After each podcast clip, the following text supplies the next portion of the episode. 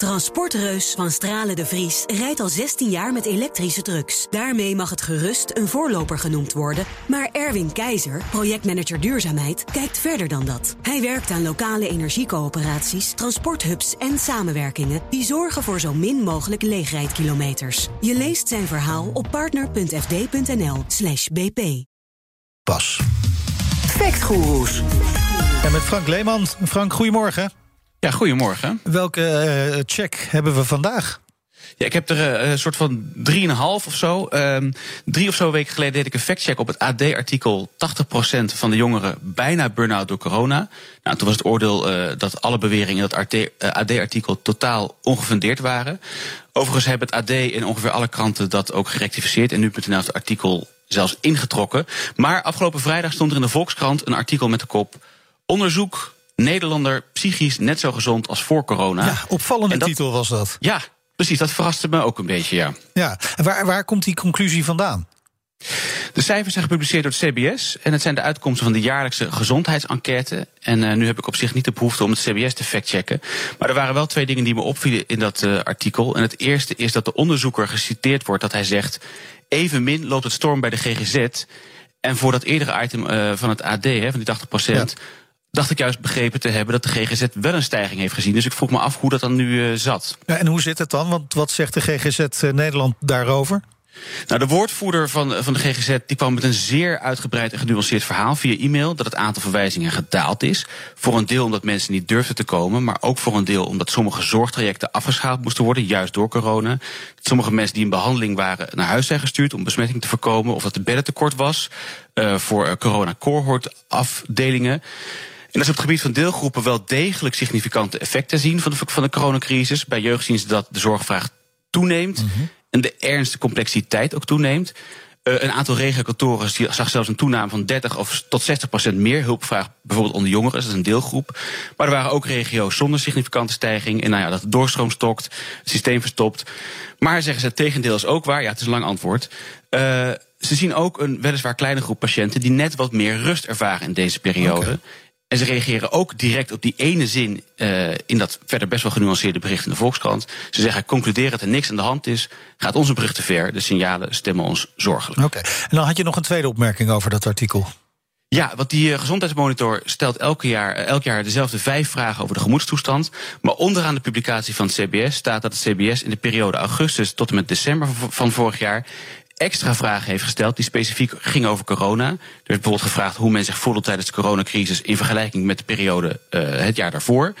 En die resultaten worden nog geanalyseerd en moeten nog bekendgemaakt worden. Dus het zou best nog wel kunnen dat daar dan weer iets anders of in ieder geval andere ja, nuance uitkomt. Want er waren natuurlijk juist de donkere, ma de donkere maanden, zeg ja, maar. Ja, nou dan gaan we naar de verkiezingen. We hadden het net al over de campagnes. En uh, het gaat specifiek over Rutte's testen bij tv-optredens. Ja, want voorafgaand aan het RTL-debat uh, van 28 februari hoorden we RTL-presentatrice Jetske Schrijver dit zeggen. En iedereen die hier vanavond is, is kort van tevoren getest op corona. Maar later uh, werd bekend dat Rutte niet getest was. En overigens een aantal andere lijsttrekkers, zoals Sigrid Kaag en Lilian Marijnissen ook niet.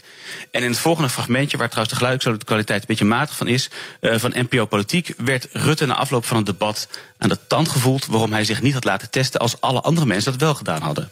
Heeft u zich laten testen? Nee, ik niet. Nee. Waarom niet? Of ze niks bij zelfs niet gevraagd van tevoren. Uh, alle mensen, onder andere wij ook, die in het pand waren, moesten getest worden. De deelnemers hoefden ze niet gevraagd. Nee.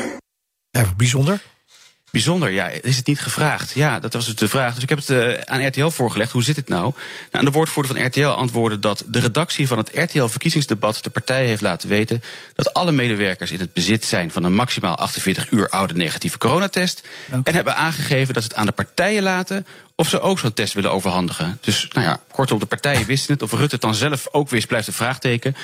Maar het lijkt er in ieder geval op dat die tekst op de autocue van Jetske iets te resoluut ja. was verwoord. ja, inmiddels is Mark Rutte wel een keer getest hè, voor het programma Koffietijd.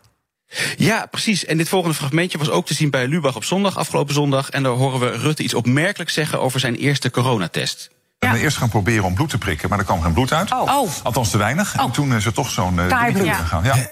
Bloed prikken als coronatest? Ja, komisch hè. En wel, ja, iedereen die was getest is, die weet, je krijgt een wattenstaafje in Ja. je neus.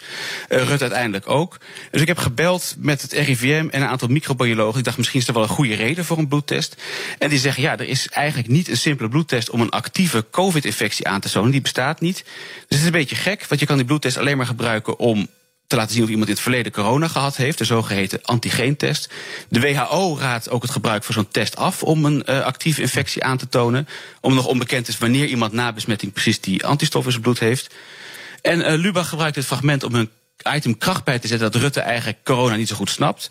En ik kwam eigenlijk ook uh, bijna tot de conclusie. Maar toen kreeg ik gisteravond laat reactie van de woordvoerder van Talpa uh, Productions. En die schrijven: Koffietijd gebruikt deze antistoffentests bij gasten die geen enkele klachten hebben. Omdat gasten dat plezieriger en minder ingrijpend vinden dan een COVID-test. En bij de minste twijfel doen we alsnog een COVID-test. En dat is in lijn met uh, nou ja, een richtlijn van het RIVM, zeggen ze.